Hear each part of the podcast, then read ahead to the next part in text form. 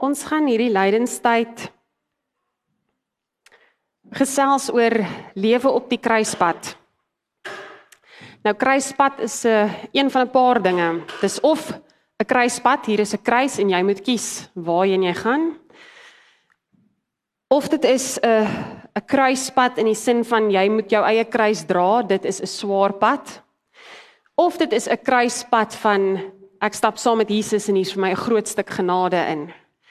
En ons gaan by hulle al drie uitkom so in die volgende paar weke en ons gaan ons gaan die evangelie van Markus gebruik om hierdie kruispad te loop, om te kyk na Jesus se lewe. So ek gaan na 'n klomp van Markus verwys. Ons gaan nie die nie ek gaan nie die hele boek lees nie. Maar ek wil julle tog uitnooi om as jy iewerster in hierdie week voel jy's lus om iets te lees, gaan lees bietjie vir Markus. Hy is die kortste evangelie. Dit is nie so lank om hom te lees nie. Ek sal hom gaan lees in myself time en kyk hoe lank vat dit. Want hy het net 16 hoofstukke. So dis eintlik 'n baie klein stukkie, maar dit is nogals baie special om Markus as 'n boek te lees. Om die Markus Evangelie as 'n boek te lees, want dan sien jy 'n paar lyne wat deurgaan. Maar julle kan julle Bybels oopmaak daar by Markus. Ek gaan begin by hoofstuk 1. Kom ons bid net eers saam. Here hier waar ons nou die Markus Evangelie voor ons oop het, vra ek dat U asseblief dit wat moet in elke hart gebeur sal laat gebeur vandag. Here U weet wie sit hier. U ken elkeen van hulle wat hier sit. En u weet ook wat in elkeen van hulle se harte leef vanoggend. Ook in myne, Here. Daarom Here vra ek nou dat dit u woord sal wees. U boodskap. Amen. Ek gaan nou nie hoofstuk 1 lees nie. Ek wil sommer net vir julle dat julle as julle julle Bybels oop het daar. Markus is die kortste evangelie. Hy is ook die oudste evangelie. Johannes ag Matteus en Lukas is nie lank na Markus geskryf nie en dan Johannes is heelwat later, maar Markus is die kortste. So dis lekker om hom as boek te lees want hy is tjoef tjoef. Maar kom ons begin met Markus. Hoofstuk 1 begin die optrede van Johannes die Doper. En dan die eerste wat ons van Jesus hoor is die doop van Jesus. Dan word Jesus versoek in die woestyn, maar dis net twee verse en dan begin Jesus verkondig en dan begin Jesus sy disippels roep daarvan vers 16 af. En so Markus spring sommer in en hy begin dadelik met Jesus word gedoop en Jesus begin werk en Jesus begin preek. So as mens Markus lees dan sê jy so 'n bietjie soos nou waar is Jesus se geboorte dan nou? Maar daar's 'n baie spesifieke doel hoekom Markus nie die geboorte geskryf het nie. En ek het so ses goeters eintlik in Markus wat ek vir julle vanoggend julle aandag op wil wil vestig. Die kruispad volgens Markus is goeie nuus. Maar nou Markus skryf so in omtrent die jaar 65 na Christus. So die lesers is moontlik een van twee groepe. Die eerste groep is moontlik Christene in Rome Nou die Rome, die die Christene wat in Rome gebly het of ja, hulle was vervolg. Want op daai stadium was die Christene nog 'n sekte van die Joodse kerk. So hulle is vervolg, aktief vervolg. So dis 'n een moontlike groep vir wie Markus skryf. Die tweede moontlike groep is die Christene wat nog in Jerusalem is. En die van julle wat so 'n bietjie kerkgeskiedenis ken, sal weet dat in 70 na Christus na 'n 5 jaar oorlog het Jerusalem tot 'n val gekom, die tempel is verwoes alles. So Christene wat vervolg word in Rome of Christene wat op die punt staan om in 'n oorlog te wees met hulle eie stad wat verwoes gaan word binnekort 65 na Christus. So as jy dit in gedagte hou dat dit die tyd is waarin Markus skryf, dan verstaan ek eintlik dat hy nie wou tyd mors met nou eers die geboorteverhaal skryf nie. Hy wou uitkom by dit wat belangrik is. Hy wou by die kruis gebeure uitkom. Hy wou so gou as moontlik by die goeie nuus uitkom. Want ja, Jesus se geboorteverhaal is die goeie nuus, maar ons weet dat die regte goeie nuus van die evangelie lê in Jesus wat op die kruis gesterf het en weer opgestaan het. So hy wou hoop gee. Hy wou goeie nuus vertel aan mense in 'n tydperk waar dit eintlik baie baie swaar gegaan het vir Christene. So hy het dit gedoen om sy luisteraars so gou as moontlik te kan vertel dat hulle ingesluit is by God se genade. So dit is hoekom Markus nie begin met Jesus se geboorteverhaal nie, want hy wou uitkom by die regte goeie nuus van Markus, ag van Jesus se verhaal. Die tweede ding van die kruispad soos Markus dit vertel, is dit behels 'n geweldige stryd. En nou wil ek julle gou-gou julle laat blaai na Markus 30 ag 3 toe. Daar is nie Markus 30, Nadia, daar's net 16 hoofstukke. Markus 3. Markus 3 vanaf vers 20. Julle ek weet ek het dit al gelees, maar toe ek dit in voorbereiding van hierdie preek weer lees, dis ek soos geskok, geskok. Ek gaan daar 'n paar verse lees. Hy het 'n huis binne gegaan. Dis nou Jesus. Maar die skare het hom het weer so hom saamgedrom dat hulle selfs nie eers brood kon eet nie. Toe sy eie mense hiervan hoor, het hulle gegaan om hom met geweld weg te neem, want hulle het gesê hy is van sy sinne beroof. Ook die skrifkenners wat afgekom het van Jerusalem, het gesê dat hy Beelzebul, dis maar Satan, in hom het en dat hy deur demone se aanvoerder die demone uitdryf. Sy eie mense, sy familie, Jesus se familie en vriende. Toe hy by hierdie huis inkom en al die mense is daar dat hy hulle kan genees, toe sê sy eie familie, kry hom hier weg, hy is deur bose geese besete. Ha? Jou eie familie dit aan Jesus doen. Jesus verduidelik dan vir hulle maar hoe is dit moontlik dat Satan teen homself sal opstaan? Dit maak nie sin wat julle sê nie, maar net om te verstaan wat se stryd Jesus van die begin af gevoer het. Dat sy kruispad was nooit maklik nie. Dat sy eie familie gesê het hy is deur Satan oorgeneem. Ek toe ek dit lees, dis ek sê wow. Jou familie was lief vir jou? Hæ? Dit is ongelooflik hartseer vir my toe ek hierdie raak lees.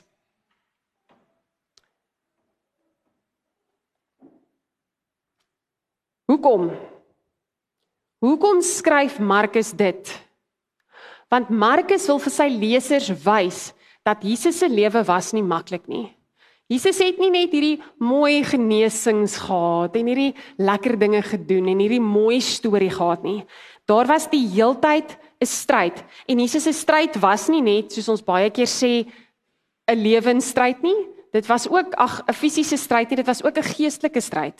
Daar was die stryd teen Satan en teen die bose, maar daar was ook 'n stryd tussen hom en sy eie familie en vriende.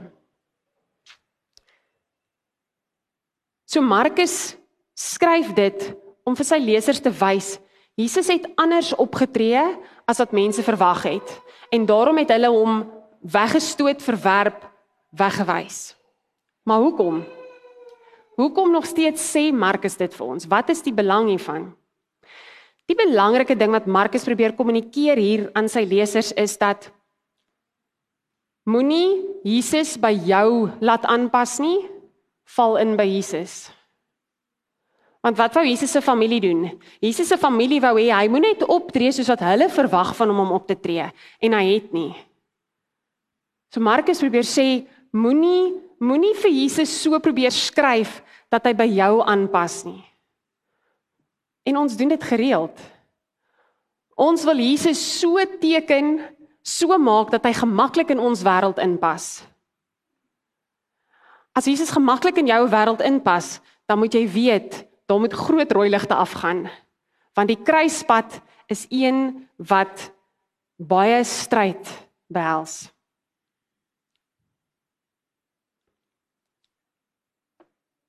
Die derde ding wat Markus vir ons sê oor die kruispad Oorwinning word deur lyding behaal. It's just getting worse. Dis 'n try stryd en dis lyding. Dit raak swaar. Maar Jesus se lyding was tog een van die hoofkenmerke van wie hy as Messias was. Jesus as Messias kan nie die Messias wees as daar nie lyding was nie, as hy nie aan 'n kruis gesterf het nie. Dit het ongelooflike implikasies gehad vir hierdie weerlose mense vir wie Markus geskryf het. Markus se leser, soos ek gesê het, wat regtig in 'n moeilike tyd was. Om hierdie storie te lees van Jesus wat deur hierdie verskriklike lyding gaan, het vir hulle baie beteken. Het vir hulle laat besef maar dis die moeite werd om ook te ly. Maar wat dit ook sê is dat oorwinning word deur lyding behaal. So as ons regtig in ons godsdiens oorwinning wil behaal, gaan dit beteken dat ons moet ly, dat ons moet swaar kry. Nou ons as Christene is nie wel oor die algemeen mense, oor die algemeen, ons is lief daarvoor om swaar te kry, nê? Nee. Dis vir ons lekker. Dis lekker om te ly en swaar te kry, nê? Nee? Ja. Ja. Nee. Nee nee nee, nee nee. Nee. Ons wil sterk wees. Ons wil dit met ons goed gaan. Ons wil nie weerloos wees nie. Ons wil nie hê mense moet ons jammer kry oor dit met ons swaar gaan nie. Ons wil kan wys ons is selfstandig. Ons wil hê dit moet altyd met ons goed gaan. Ons gaan nie uit ons eie uit kies om deur lyding te gaan nie. Is jy bereid om te ly? Ek is bereid om die storie te lees. Dis baie baie mooi die storie van Jesus se lyding, maar is ek bereid om regtig te ly vir Jesus? Hm. Dis nogal 'n moeilike vraag daai om te antwoord. En die regte antwoord is ja, ons is bereid. Maar as ons mooi daaroor dink, ons gaan nie lyding kies sommer net nie. Ons kies altyd die maklikste uitweg. Ek het 'n interessante podcast geluister. Scary. Hulle het 'n toets gedoen. Hulle het 'n klomp mense gevra. Hulle sit die persoon voor die rekenaar, dan sê hulle, daar's een task op die rekenaar wat lank en moeilik is. 45 minute van ernstige wiskundige goeters, dis regtig moeilik. En dan aan die ander kant is daar 'n maklike task van 15 minute. Dis is daai Where's Waldo. Jy moet net die prentjies soek. Verstaan, soos 15 minute lekker maklike puzzeltjie om te doen. Dan sê hulle vir die mense, "Oké, okay, jy sit nou hier. Ons gee vir jou 'n digitale coin wat jy moet tas. Die een is die moeilike task, die ander een gee vir jou die maklike task." OK. En dan loop die mense uit. Dan sit jy nou voor jou rekenaartjie. Jy moet nou die coin task doen om te bepaal watter een. Nou wie sê hulle nou die stelsel gerig dat die coin die hele tyd op die moeilike task geland het. Statistieke het bewys 90% van die mense het gecheat. 90% van die mense het gecheat. Van hulle het net glad nie die coin task gedoen nie, hulle het net dadelik die maklike task gedoen. Van hulle het daai coin task gedoen totdat hy vir hulle die maklike task gegee het om te doen. 90% julle en dan is dit 'n wye verskeidenheid baie ordentlike mense. Die een vrou se verskoning was, ag die ouetjie wat na my gesit het, het gelyk soos 'n ingenieurstudent. Hy het gelyk of hy meer van die moeilike task sal hou, so toe doen ek die maklike task. Maar net om vir julle te verduidelik hoe ons koppe werk. Ons soek die maklike, vinnige, dadelike ding. Ons wil nie ly nie, ons wil nie swaar kry nie. Ons soek nie langtermynprobleme nie. Ons wil dit moet so gaan. So op die vraag, sal jy ly? Uh, ek weet nie. As jou antwoord ja is. As jy sê ja, ek sal die lydingspad loop dan sê ek ja, ek sal agter Jesus aanloop op hierdie kruispad. Dan kies jy ja vir lewe en ja vir lyding. Dan sê jy ja, ek is bereid om anders te wees soos wat Jesus anders was. Ek is bereid om eerlik te wees. Ek is bereid om 'n partykeer myself te laat swaar kry partykeer die moeiliker ding te doen omdat dit die regte ding is om te doen omdat dit die ding is wat Jesus van my verwag. Dit sê dat ons gaan reg laat geskied in 'n wêreld waar alles ongelyk is, waar dit altyd 'n geveg na mag is en na wie is nou die sterkste en wie is nou die beste. Maar ons sê ja, ons sal partykeer terugstaan en sê ek wil nie in hierdie geval die sterkste wees nie want daar is ander dinge wat belangriker is. Daai einste, daai selfe podcast wat ek geluister het oor die ouens wat so verskriklik gecheat het en toe wonder ek nou nogals as ek nou so vir julle kyk, 90% van julle sou gecheat het, nê? Nee? Ek sien julle. Next what? 'n Ander ding wat hulle in daai selfe podcast sê is dat hulle het getoets, dit gaan oor dankbaarheid, oor mense wat dankbaar is. Mense wat met baie meer dankbaarheid leef, het baie meer 'n opstaan teen onreg. Mense wat met dankbaarheid leef, staan baie makliker op vir onreg. En ek dink dit is so ietsie van wat Markus probeer sê van wat dit is om agter Jesus op 'n kruispad aan te stap. Is om sy disipel te wees. Jesus se disipel te wees. Gebaar vir disipel, het julle al gesien wat ek dit doen? Dit is gebaar vir disipel. Hulle beweeg vorentoe agter Jesus aan. Hulle volg sy voorbeeld.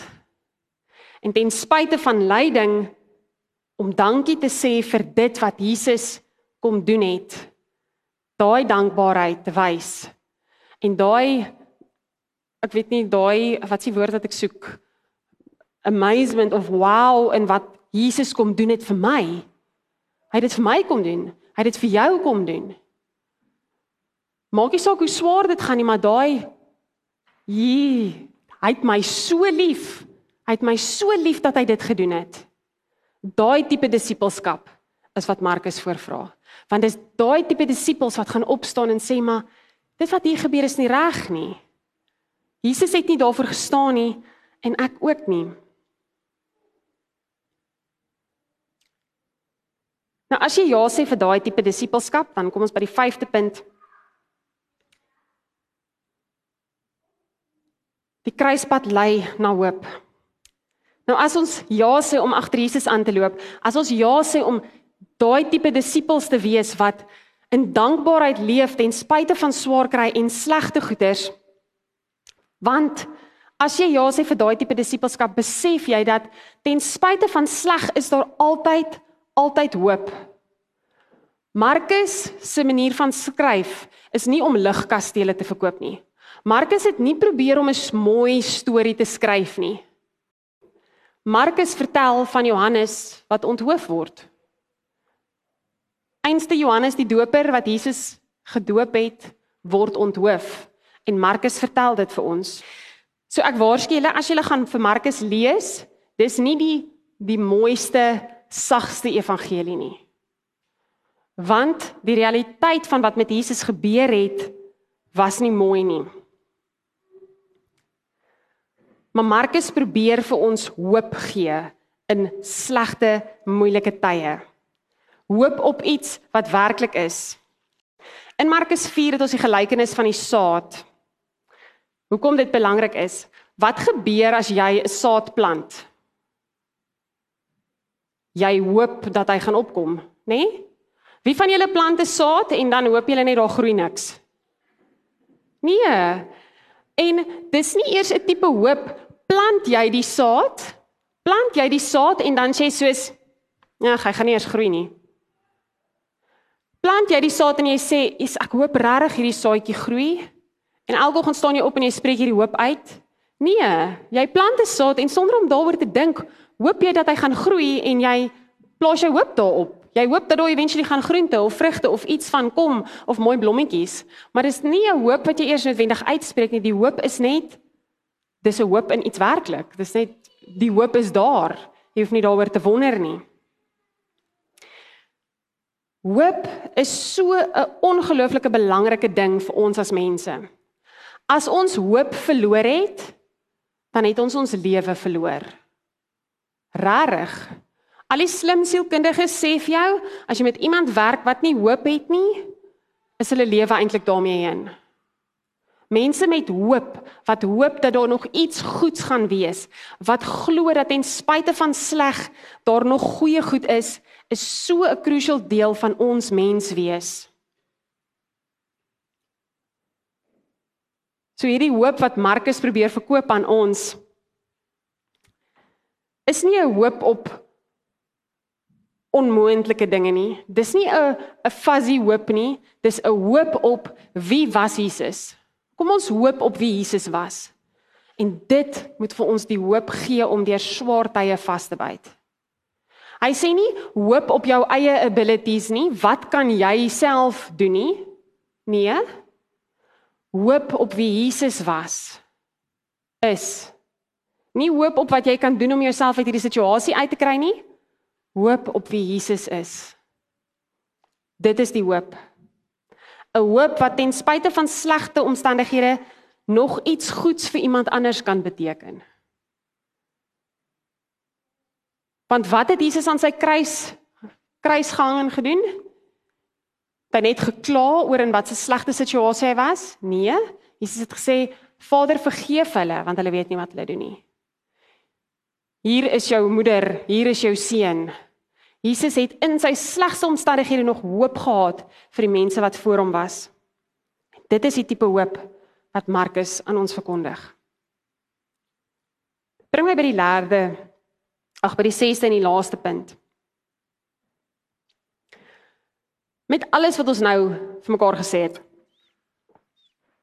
Die goeie nuus, die geweldige stryd, die lyding wat lei na oorwinning om agter Jesus aan te loop om 'n disipel te wees van Jesus. Dan kom ons nou hier waar ons vir mekaar moet vra. Markus, jy het nou al hierdie dinge vir ons geskryf. Jy het dit 65 na Christus geskryf, baie jare terug. Werk dit nog vir hierdie lewe waarin ek en jy vandag is? Werk hierdie kruispad storie wat jy as Markus geskryf het vir my waar ek nou in 2023, nie 22 nie, in 2023 staan? Is dit nog nodig? Is dit nog moontlik? Is dit nog die moeite werd? om hierdie goeders te doen of om vir Markus te luister. Want dit klink vir my so bietjie as 'n mens hierdie lees, as mens Markus lees of jy vrywilliglik die lewe vir jouself moeiliker gaan maak. Dis pretty much wat ons sê. Is dit dan die moeite werd? Want wie wil vrywilliglik die lewe vir hulle self moeiliker maak? Nee, 90% van ons cheat om die makliker toets te doen. Ons wil nie dit die moeilike gedoen nie. Kom ons gaan kyk na die einde van Markus. As jy die Bybel sê, blaai vir my na Markus 16 toe. Markus het baie abruptly begin. Ons het nou gelees, hy het nie die mooi verhaal van Jesus se geboorte vir ons geskryf nie. En hy eindig ook net so stomp. Markus eindig eintlik by vers Hoofstuk 16 vers 8 is die eintlike einde van Markus. Kom ek lees vir julle wat staan daar. Dis die opwekking van Jesus. Die graf is leeg, Jesus het opgestaan. Hy verskyn aan die vroue. Hulle het uitgegaan en van die graf af weggehardloop. Want bewering en verbuistering het hulle beet gepak. En hulle het vir niemand iets gesê nie want hulle was bang. Dis hoe Markus kies om sy evangelie af te sluit. Nou gaan julle vir my sê ja, Nadia, maar hy gaan tot by vers 20. Wat wat gaan hier aan? Ander mense wat vir Markus gevat het, nou lang, nie so lank na Markus geskryf nie, het hierdie einde gelees en gedink: "Wie eindige storie so?" Kom ons skryf net gou-gou nog so 'n bietjie iets by, dat ons net vir mense 'n bietjie konteks gee van wat het toe regtig gebeur nadat Jesus uit die graf uit opgestaan het.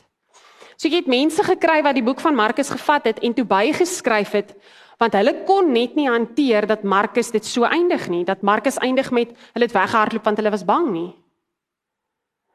So mense het eindes bygeskryf. Jy kry 'n korter weergawe en dan kry jy die lang ene soos wat dit in ons Bybels geskryf is. Nou dis alles goed en wel want ek moet self sê as hy net daar geëindig het, wie van julle het al 'n boek gelees en dan as jy die einde lees dan sê jy soos is dit nou dit? Is is dit nou dit? rarig. Of hy fliek gekyk, jy het nou hierdie tyd spandeer om hierdie storie te kyk en dan sit so open-ended en jy's net soos hoe moet ek nou weet wat rarig gebeur het? En dis presies wat hier gebeur het. Markus het hierdie oop graf gelos, hierdie oop einde, hierdie vrouens het weggehardloop want hulle was bang. En net daar gestop. En die ander mense het net gesê, mm, mm, "Nee, ons moet daarom net so 'n bietjie meer byskryf. Ons kan nie hierdie oop ding hanteer nie." Maar Markus het met 'n spesifieke doel geëindig by vers 8. Hy het nie sommer maar net geëindig by vers 8 omdat hy moeg geraak het om te skryf nie. Ons weet hulle sou vertel het van Jesus, want ons weet van Jesus. As daai vrouens regtig vir niemand vertel het nie, dan sou ons ook nie van hom geweet het nie. So ons weet die storie het aangeloop. Ons weet daar het nog goed gebeur na vers 8. Maar Markus eindig dit met hierdie oop graf en hierdie oop einde want hy wil hoop gee. Hy wil sê hierdie einde is oop, hierdie einde is vir jou om verder te skryf, om te sê waarheen gaan hierdie storie? Waarheen gaan die Here met jou storie? Want jy skryf aan hier by Markus 16. Markus wou hierdie einde los as 'n lewende getuienis. Hy wou nie gehad het dit moet 'n storie wees wat net, ooh, daar's die storie klaar, dis 'n mooi storie lees hom. Voel goed want dit is 'n mooi storie en gaan aan nie. Nee, Markus het dit so geskryf dat ek en jy moet sit en sê maar wat doen hierdie aan my? Hoe skryf ek nou hierdie storie verder? Hy wou ons nuuskierig maak oor wat gebeur volgende? Wat kom nou? Wat het hier nagekom? So nee. Dit is nie 'n mooi storie nie.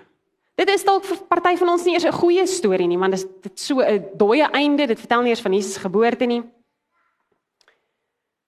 Maar dis 'n waar storie. 'n Waar storie wat vertel van swaar kry, vertel van lyding. Dis 'n waar storie wat vertel dat dit die moeite werd is in hierdie lewe om daai storie te lees. Want as ek en jy kan kies om ons stories te koppel aan Jesus se kruispad, dan gee dit vir ons hoop. Dan gee dit vir ons hoop om ten spyte van ons saglike lyding elke oggend op te staan, dankbaar te wees, te kies om maar die moeilike ding te doen en opnuut te lewe te lewe. Sofie, die vraag, myne is open-ended. Werk Markus en Jesus se kruispad vir jou in hierdie lewe? Dink bietjie daaroor. Amen. Here Ons wil die stories lees waarmee ons gemaklik is. Ons wil die mooi stories hoor van hoe jy mense genees het hoe jy vir duisend mense kos gegee het. Hoe jy gebore is, hoe jy gedoop is. Maar dan kom Markus, Here, en hy vertel vir ons jou eie familie het gesê jy is besete. Jy is van jou kop af. Dan kom Markus, Here, en hy vertel vir ons die stryd wat jy moes voer. Hy vertel van ons van Johannes wat onthoof is. En Here dan kom eindig hy en hy kom sê hier by 'n oop graf het hulle weghardloop want hulle was bang.